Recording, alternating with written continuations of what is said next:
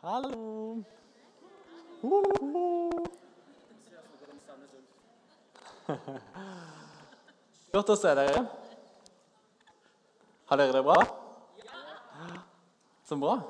Jeg heter Geir Loftesnes. Og jeg er gift med den vakre kvinnen her på første rad. Ja, det er bra jobba her. Hun heter Anne Therese. Og jeg, eh, jeg leder konfirmantarbeidet her i menigheten. Og så er det fantastisk spennende. Gabriel har bl.a. vært konfirmantår og gleder meg til et nytt kull til høsten. Jeg så studerer jeg til å bli prest og har eh, ett år igjen på det. Så fortsatt student. Det er litt sånn ferietider. Hvor mange av dere har ferie nå? Ja, Det var ikke så mange. Hvor mange syns synd på seg sjøl fordi de ikke har ferie? da? Ja, Det var, det var ca. like mange, så Det kommer en tid, gjør det ikke det? Ja. Jeg skal tale om eh, Galaterne 3. og vi, eh, I sommer så går vi gjennom Galaterbrevet. En reise gjennom Galaterbrevet. Eh, det begynte for to uker siden, og Hanne Therese talte om Galaterne 1. Og etterpå da så var det en som, som syntes det var så bra og Paulus var så spennende at han liksom tenkte at han skulle tatovere Paulus på kroppen sin. Og da tenkte jeg liksom, wow, det må være den ultimate responsen på en, en god tale. Hvis folk liksom vil tatovere budskapet på kroppen etterpå, da, da har du nådd noe. altså. Så jeg tenkte liksom etter når jeg var ferdig, at liksom, vi kan gjøre, respondere på to måter. Den ene er liksom forbønn der, og så bak der en tatovør som sitter. Da kan det liksom komme med forskjellige budskap. Liksom, ja. altså, når vi begynner å snakke om tatovering i kirka, da, um, da er det vel vekkelse, ikke det? Kapittel 3 i Galaterne det er jo litt av en pangstart det brev har. Um, som uh, min kone ville ha sagt, uh, så er det ikke her snakk om noe pusekattsnakking. For å kalle hun meg av og til pusekatt, og uh, det er vel alle enige i at det ikke er en passende tittel for en muskuløs mann som meg. Men sånn er det. Vi leser i begynnelsen at Palle skriver følgende Uforstandige galatere, hvem har fått forhekset dere? Det er litt av en kost, altså. Det er fascinerende. Jeg har gått ut og sagt denne setningen litt sånn halvhøyt for meg sjøl de siste dagene. Uforstandige galatere, hvem har forhekset dere? Hva er det som gjør at Paulus kan bruke et så, så sterke ord og så mye følelser i det han sier?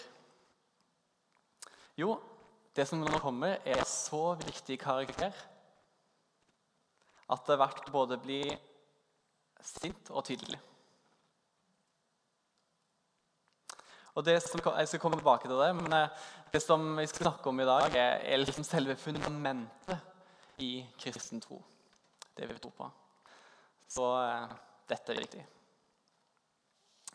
Paulus skisserer opp to motsetninger i kapittelet.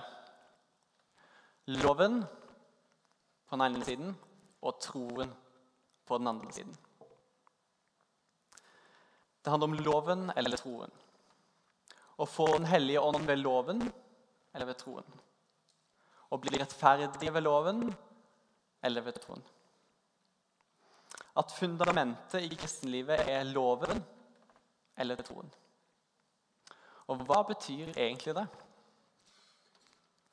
La oss gå litt tilbake i historien helt til den tida da Moses levde. Og eh, Guds folk på denne tida, det folket som tilhørte Gud, det gjorde opprør mot Gud. Og de, de siste ukene har vi sett at det har vært opprør i Egypt.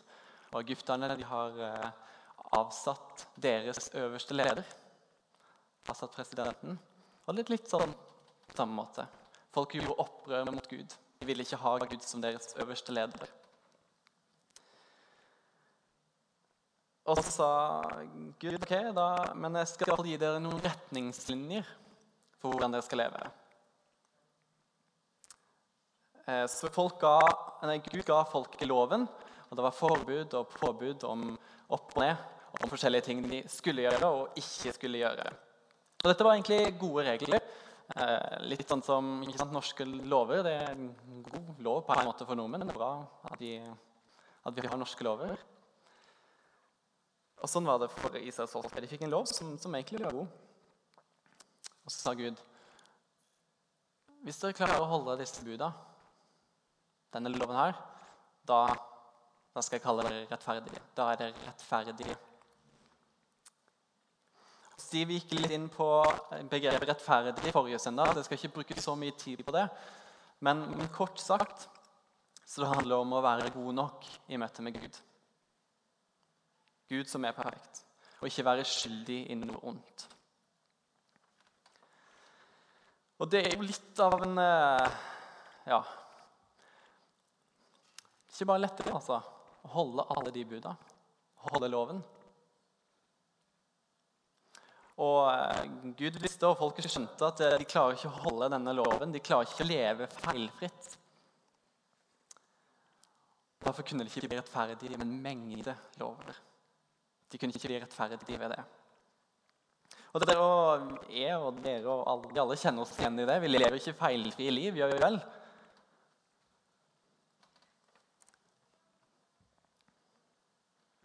Det er bare kun de som dør, som er feilfrie. er det ikke det?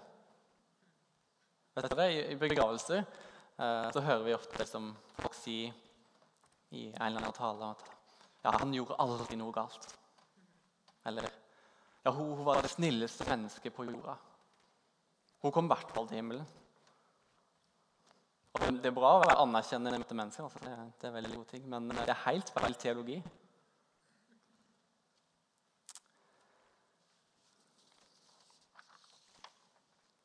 For Gud han er en hellig Gud. Og, og det som er hellig, det tåler ikke noe, det tåler noe, tåler ikke noe som ikke er hellig. Eh, hvis jeg skal bruke et bilde på det, så ta f.eks. noe levende, f.eks. et tre. Og så plasserer du det nærmere og nærmere og nærmere sola. Og til slutt dør det. Fordi sola blir for varm, det blir, det blir for stor styrke. Og det klarer ikke å overleve inn i nærheten. Sånn er det litt med Gud òg. Han tåler ikke urenhet. Han tåler ikke at det kommer noe urent i møte med Gud. Og, Vi kjenner eh, historien, Guds historie, eh, og at han sender sin egen sønn for å oppfylle loven. Loven skulle egentlig bli oppfylt av oss mennesker. At vi fulgte budene. Men vi er ikke i stand til å leve et feilfritt liv. Så Jesus tok på seg straffen som vi egentlig skulle fått, siden ikke vi klarte å leve feilfritt. Og straffen, den, den var å dø. Og siden, vi, siden Jesus døde, ble vi mennesker gjort gode nok overfor Gud. Ikke pga. det vi gjorde for han, men pga. det han gjorde for oss. Og Dette er liksom bare helt mind-blowing. Altså det altså I stedet Og det er dette det handler om i dag. Altså I stedet for at vi skulle streve for å bli gode nok ved å gjøre alt rett, så ofra Gud sitt eget blod, sin egen sønn, for at han skulle ta på seg skylden for alle våre mangler. Gud elsker oss til døde. He loves us to death. Så sterk er Guds kjærlighet. Så har Gud, Gud forandret seg. Fra Gamle testamentet til Nye testamentet. Har han blitt, han har blitt annerledes? Det virker nesten litt sånn. Han, han forandret seg fra å være kravstor og om lov og sånne ting, til å plutselig være nådig. Og nå, nå, nå er jeg full av kjærlighet. Nå sender min sønn. Har Gud forandra seg? Nei, Gud har alltid vært, han er og han vil alltid være den samme. Men Guds egenskaper de blir mer og mer åpenbart for verden ettersom verden blir mer og mer kjent med Gud. Jo mer og mer verden blir kjent med Gud, jo mer ser de av hans egenskaper hvem han egentlig er. Og, eh, og når, Jesus, når, Gud sendte sin egen sønn for å dø for oss, så ble det synlig for verden sånn helt konkret hvor stor kjærlighet Gud har for oss. Han har den samme hele tida. Du ser jo eksempler i Gamle hvor, hvor eh, Gud var nådig. Du ser flere eksempler på det i Gamle under loven. Men, men med Jesus ble det ordentlig konkretisert og materialisert en gang for alle. Sånn som det står i Roman 5,8. Men Gud viser sin kjærlighet til oss ved at Kristus døde for oss mens vi ennå var syndere. Da blir det synlig. Og tenk for et paradigmeskifte for den første kirka, for de første kristne. Dette må ha vært. Og et slått opp liksom, paradigmeskifte for å kunne slå fast hva det er for noe. Det står bl.a. at paradigmeskifte det er et skifte i måten å tenke på som er av betydelig størrelse og rekkevidde. Og Det er egentlig ganske betegnende. Fra å tenke at Gud gir oss tilbake ettersom vi har handla, til å tenke at liksom, Gud vil gi oss masse tilbake ja, fra, fra, å tenke til å tenke at Gud vil nå gi oss masse tilbake uavhengig av hvordan vi handler. Det, det skiftet der Det kommer an på gjerninger. Det kommer ikke an på gjerninger i det hele tatt. Det kommer an på hva du gjør. Nei, det gjør ikke det i det hele tatt. Det er ganske stort sprang. Ganske stort skifte i måten å tenke på. Og, og det er et stort paradigmeskifte for oss i dag.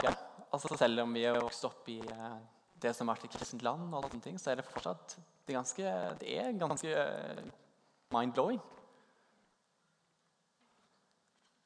For det ligger fortsatt i vår natur å, å um, få igjen for det vi gjør. Å ta hevn. Øye for øye, tann for tann. Det ligger liksom litt i vår natur. Altså, dere kjenner jo sikkert alle til barn som har kanskje slått til et annet barn fordi de tok leken sin. Helt fra barn er små så, så, kjenner vi igjen denne dynamikken og vilje til å ta igjen hvis, hvis du opplever noe urettferdig. Og um, eh, Vi kan snakke om, om det å høste, om, om, å høste det vi sår. Vi sår ut, og så høster vi tilbake det vi, det vi gir. Og vi kan snakke om eh, karma. God eller dårlig karma. Få tilbake etter dine egne handlinger. Kjente begrep. Eh, og jeg tenker liksom, Hvis jeg hadde fått tilbake etter det jeg hadde gjort av gode gjerninger, i forhold til karma, så det kan godt være at jeg kanskje hadde blitt et esel eller noe sånt. Nå.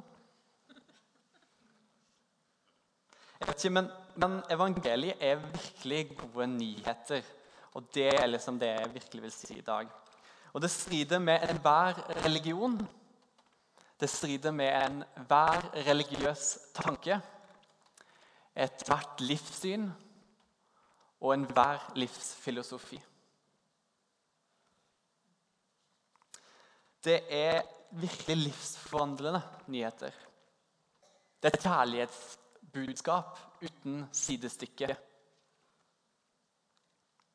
Vi høster bare langt mer enn det vi sår, og vi får en langt bedre karma enn det vi hadde fortjent. Det er gode nyheter. Og det er, Dette er det første poenget i dag. og det er at eh, Å være kristen handler ikke om å gjøre de rette tingene. Det handler ikke om å holde seg langt unna alt som er ondt, eller å gjøre godt mot andre.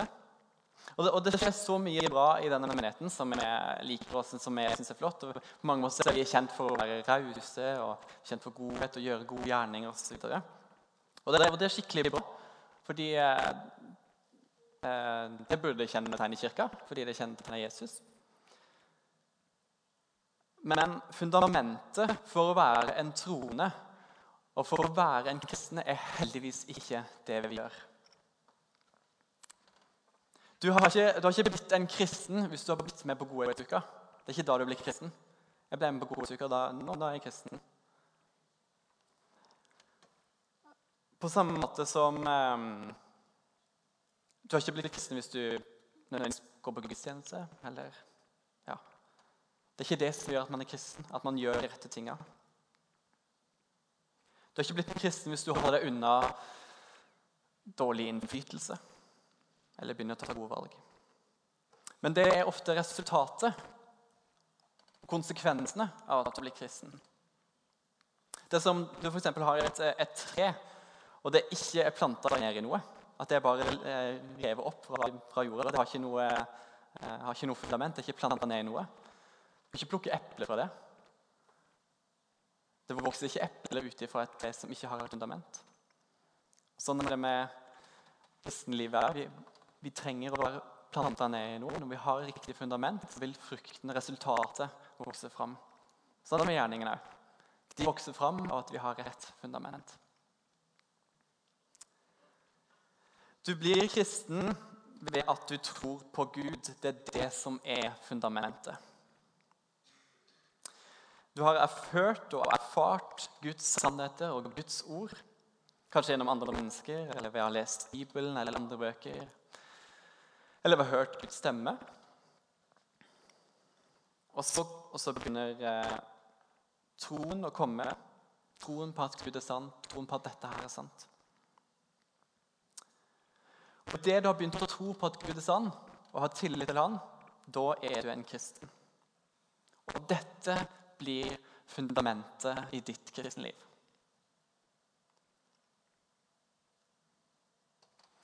Resultatet og konsekvensene på at du tror, vil etter hvert være at du tar gode valg, at du gjør gode gjerninger osv. Men det er ikke det som er fundamentet. Henger det med?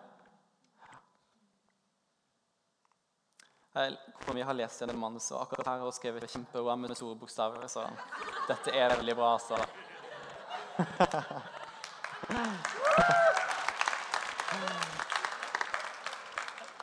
Om det ikke stoler på meg, så er det for stole på kona mi.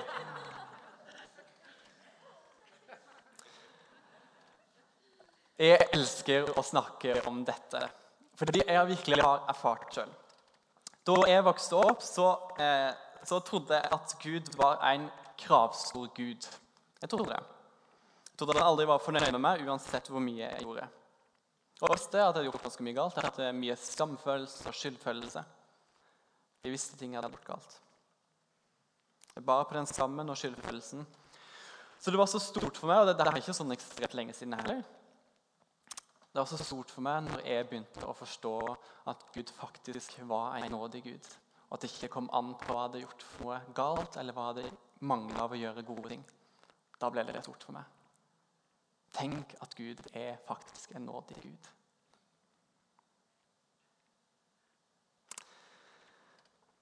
Det handla ikke om hva jeg presterte eller gjorde, men det handla om hva Gud hadde gjort. Og det han hadde gjort, det var en kjærlighetshandling. Og det var bare så mye frihet for meg i det. Og jeg tror helt ærlig at jeg, jeg bare begynte å smake en liten bit av, av hva den sannheten innebærer. At jeg begynte bare å forstå litt av hva det innebærer, den sannheten. Jeg tror masse igjen i livet mitt å oppdage i forhold til dette. her. Eller å ta imot av Guds sannheter i forhold til dette. her. Jeg gleder meg. Det, det, det blir bra, altså. Vent til dere ser meg om 20 år.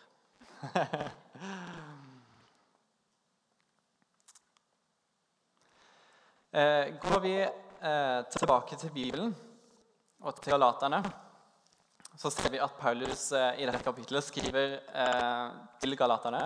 Og da er både jøder og de som ikke er troende, eller til, folk som ikke tilhører Gud, i utgangspunktet, altså hedninger, som kommer til tro. Og, de har tatt imot troen, og de har begynt å tro at dette her virkelig er sant. De har trodd at Gud er sann, og at han sendte Jesus til å dø på et kors for oss. Eller som Paulus sier det så tydelig i dette kapitlet, at de har fått Jesus malt for øynene som den korsfestede. Dette har så, blitt så tydelig for dem en gang at som, selv om de ikke så Jesus på korset henge der, de så det ikke, har ikke sett det, eller de har bare hørt om det, så er det som om de har fått det bare malt tydelig foran øynene deres. Sine øyne. Så tydelig har det blitt for dem. De har virkelig trodd, trodd denne sannheten om at Gud sendte sin egen sønn for å dø for oss. At ikke det nå kommer an på våre gjerninger. Så det har en gang vært veldig tydelig for galaterne eh, at de har fått en hellig ånd kun bare ved, ved tro, ikke ved å gjøre noe. Og at han gjør mektige gjerninger rundt. Helbredelser og, og, andre ting. Kun ved, ikke, ikke ved gjerninger, ikke pga. det de gjør, men fordi han er den han er. Og at de tror. Så, og dette, dette, dette, har de virkelig sett, og de har tatt imot det. Eh, kun ved å tro, ikke fordi de gjorde en hel haug med gode gjerninger eller holdt seg unna onde gjerninger. Men de, de forsto det. De hadde forstått at de ikke trengte å gjøre noe. Men så blir Paulus skikkelig hissig. Fordi det er ikke slik lenger. Det er ikke sånn som det pleide å være. Han sier at det da sneker seg inn folk som begynner å diktere hva disse nye kristne skal gjøre for noe. Og Blant annet så handler det om omskjærelse. Og Vi menn kan jo bare takke Gud for at det fantes Paulus som kunne avskaffe det en gang for alle.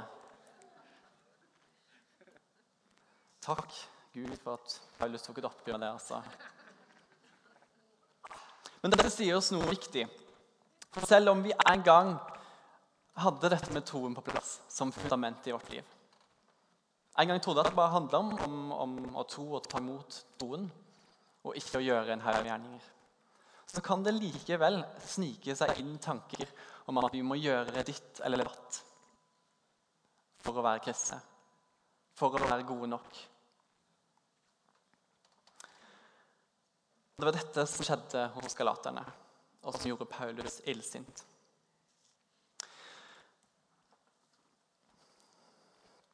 Det kan f.eks.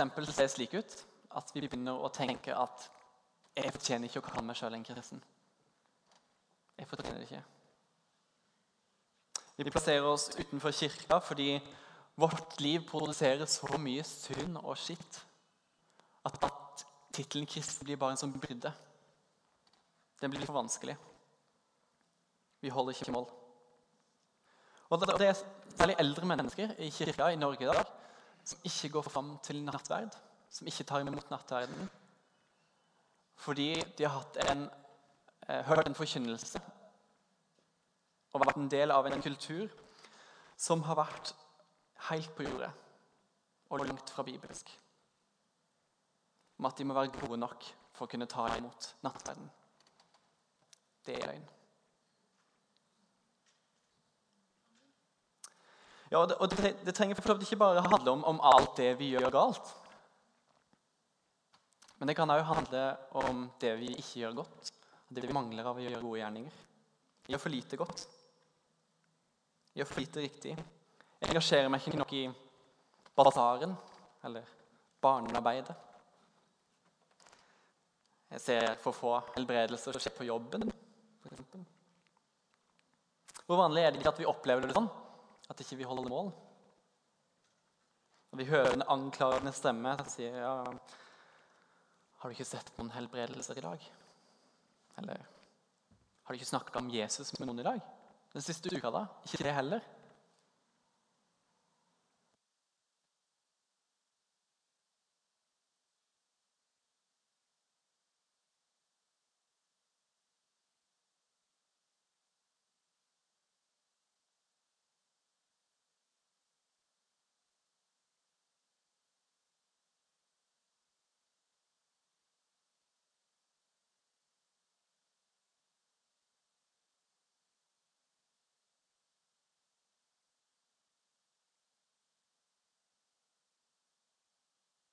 Der, vet du. Der var det lyd.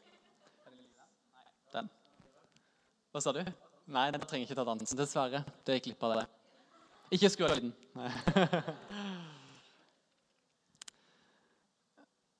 Ja, eller, eller, har du ikke betalt for matvarene til noen på Kiwi denne uka?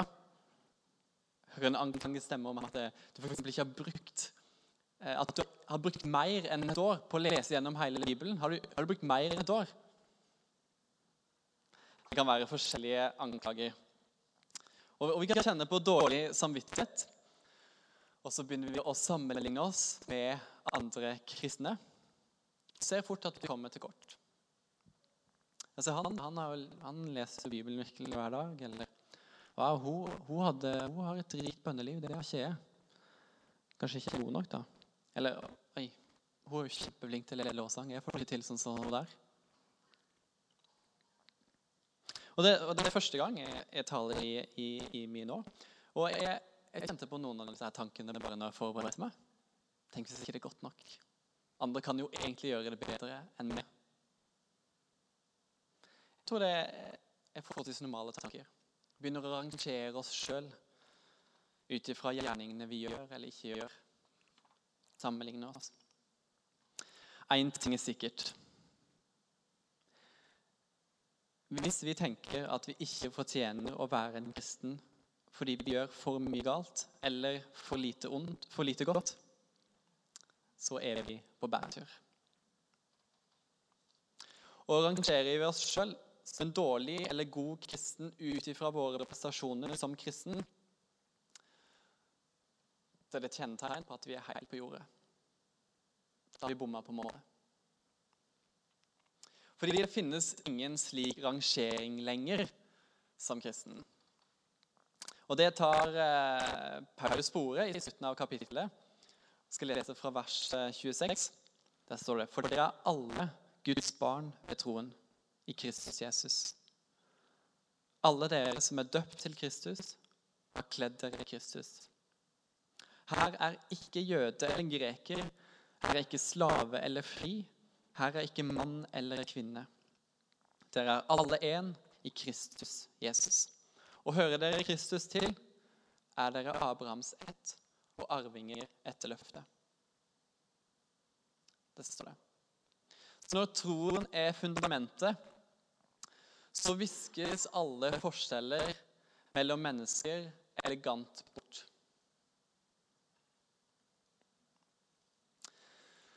Det handler ikke lenger om du er mann eller kvinne.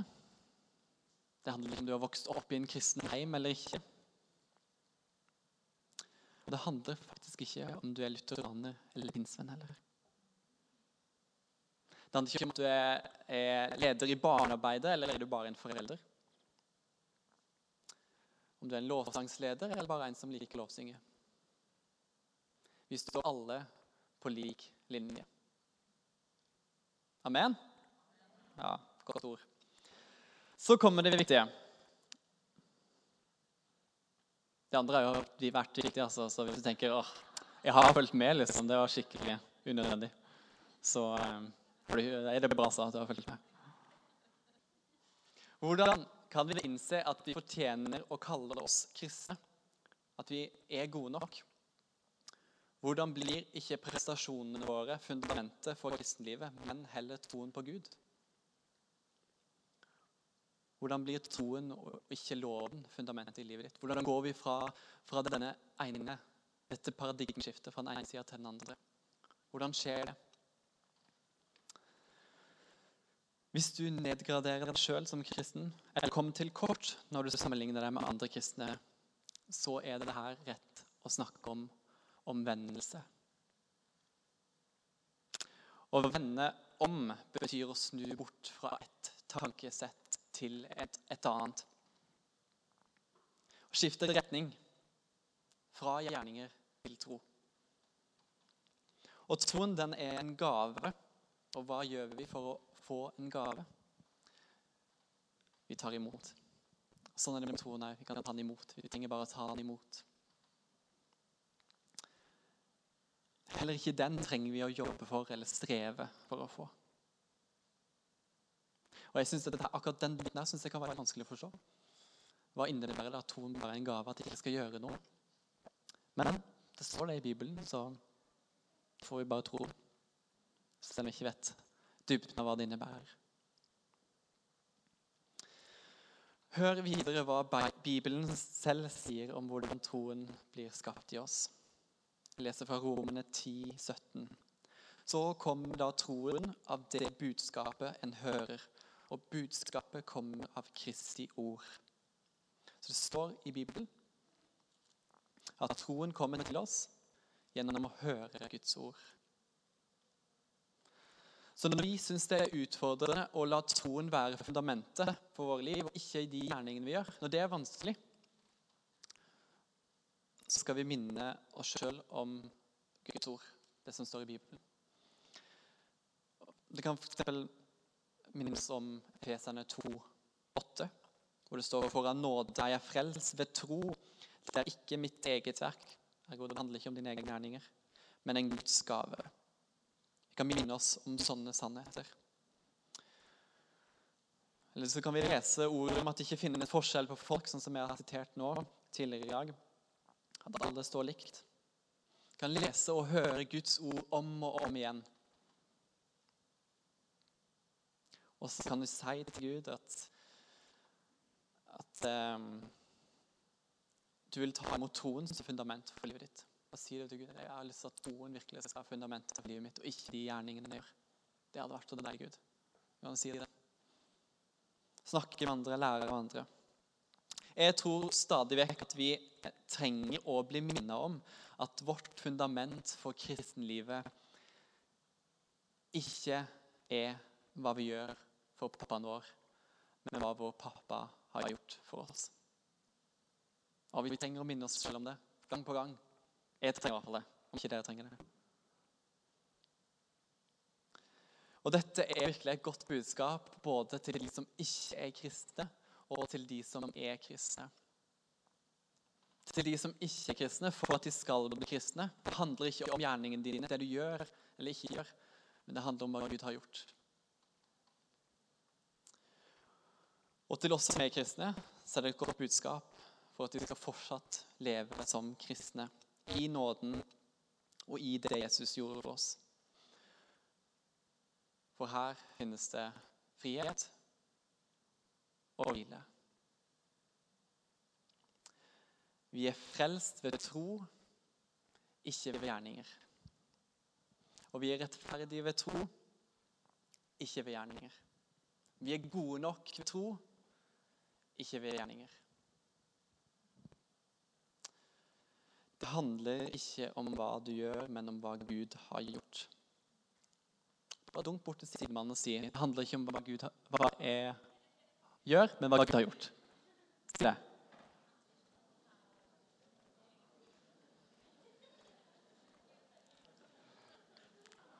Hvor mange syns det er vanskelig å si det når jeg hadde gjort en så dårlig jobb i forkant?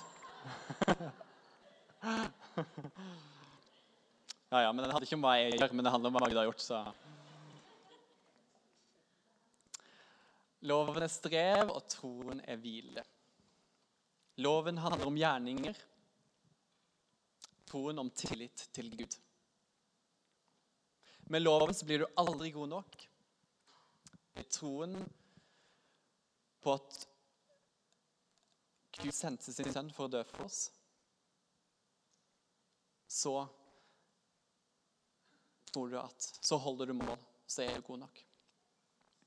Og når troen er fundamentet for livene våre, så får vi også være Guds barn og arving. Og Da kan vi rope 'Abba, far', som det står i Bibelen. Gode pappa. Jeg er en sønn av du, eller jeg er en datter av du. Når vi innser det, når troen blir vårt fundament.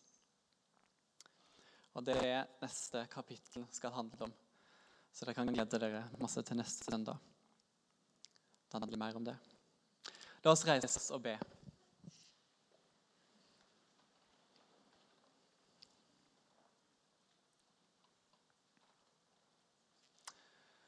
Å, gode pappa, du er så god, og vi takker deg. Vi priser deg for at du har sendt din egen sønn, ditt eget blod, for å dø for oss. At du elsker oss til døde, og at det er sannheten. At ikke vi trenger å gjøre masse gode ting eller holde oss unna alle onde ting for å være gode nok for du, men at Jesus, det Jesus gjorde, det var godt nok for du. Åh, det er så bra. Vi bare takker deg for det, Jesus. Takk, gode pappa. Mm. Og jeg har så lyst til at dette skal være fundamentet for livet mitt, og vi har så lyst til at det skal være fundamentet for livet vårt. Ikke hva, hva, vi, hva vi presterer, ikke hvorvidt vi er gode nok, Å, kom Helligånd. Kom Helligånd og skap det i oss. Og Vi vil ta imot troen som en gave. Ikke prøve å gjøre masse riktige. Vi har lyst til å ta imot. Vi strekker ut hendene og bare sier Vi vil ta imot. Vi vil ta imot fra deg. Vi vil ta imot troen som en gave. Det er kun det du forventer, og det du lengter etter for oss. Mm. Ja.